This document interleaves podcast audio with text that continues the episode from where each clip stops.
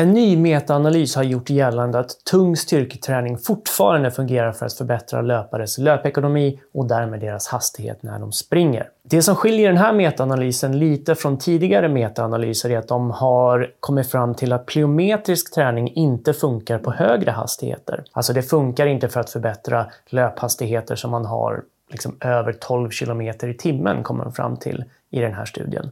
Så det innebär då alltså att hoppträning, spänsträning egentligen bara skulle funka för lägre hastigheter, alltså under 12 km i timmen, vilket i det stora hela är ganska låg hastighet. Då. Man kommer också fram till att lättare styrketräning eller styrketräning med lättare motstånd och lättare vikter inte förbättrar löpekonomin överhuvudtaget. Några saker här. För det första det här med plyometriska träningen, att det bara skulle funka för lägre hastigheter.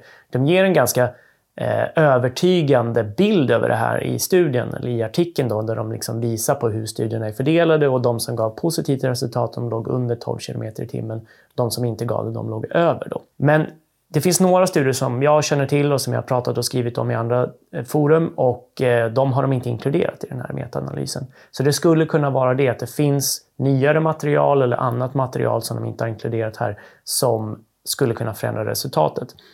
En del av det är kanske för att de studierna har använt sig av lite mer komplex träning som liksom blandar lite olika saker och därför inte renodlat använder sig av plyometrisk träning. Det skulle därför kunna vara så att de studierna där man sett ett positivt resultat, de har använt sig av en metod som fungerar medan de studierna där man inte har sett ett positivt resultat, de har använt sig av andra träningsmetoder inom plyometrisk träning som inte fungerar eller den gruppen var inte mottaglig för det eller vad det nu kan vara för någonting. Det måste man alltid komma ihåg när det är sådana här små studier så kan det finnas en väldigt stor slumpvariation i vad man får resultat på och då blir det lite eh, vajkalle då när man summerar resultaten. När det gäller då lättare styrketräning eller lättare motstånd eller lättare vikter då har det varit inte så mycket det som jag skriver om i Träna mindre, att man kör styrketräning till fail.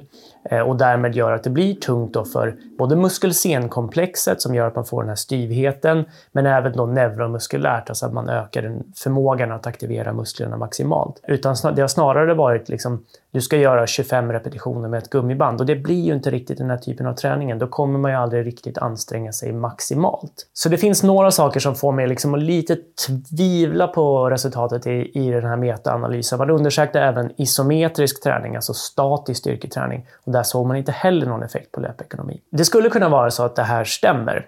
Men det man ska veta är att när det gäller sån här lättare styrketräning så var det del som jag sa, det var liksom inte riktigt den metoden man skulle vilja ha. Det var också väldigt få studier och detsamma gäller den isometriska träningen. Det var liksom en, en handfull studier, små studier dessutom. Så det man skulle vilja se det är att man gör det på ett annat sätt, att man verkligen pushar de här deltagarna med liksom tuffare varianter av eh, styrketräning med lätta vikter och isometrisk träning och se vad får man för effekt av det. För jag misstänker om inte annat att man skulle kunna få lite effekt på löpekonomin. Om inte annat då. Sen är det fortfarande så att det är välbelagt nu att tung styrketräning det funkar för att förbättra löpares löpekonomi.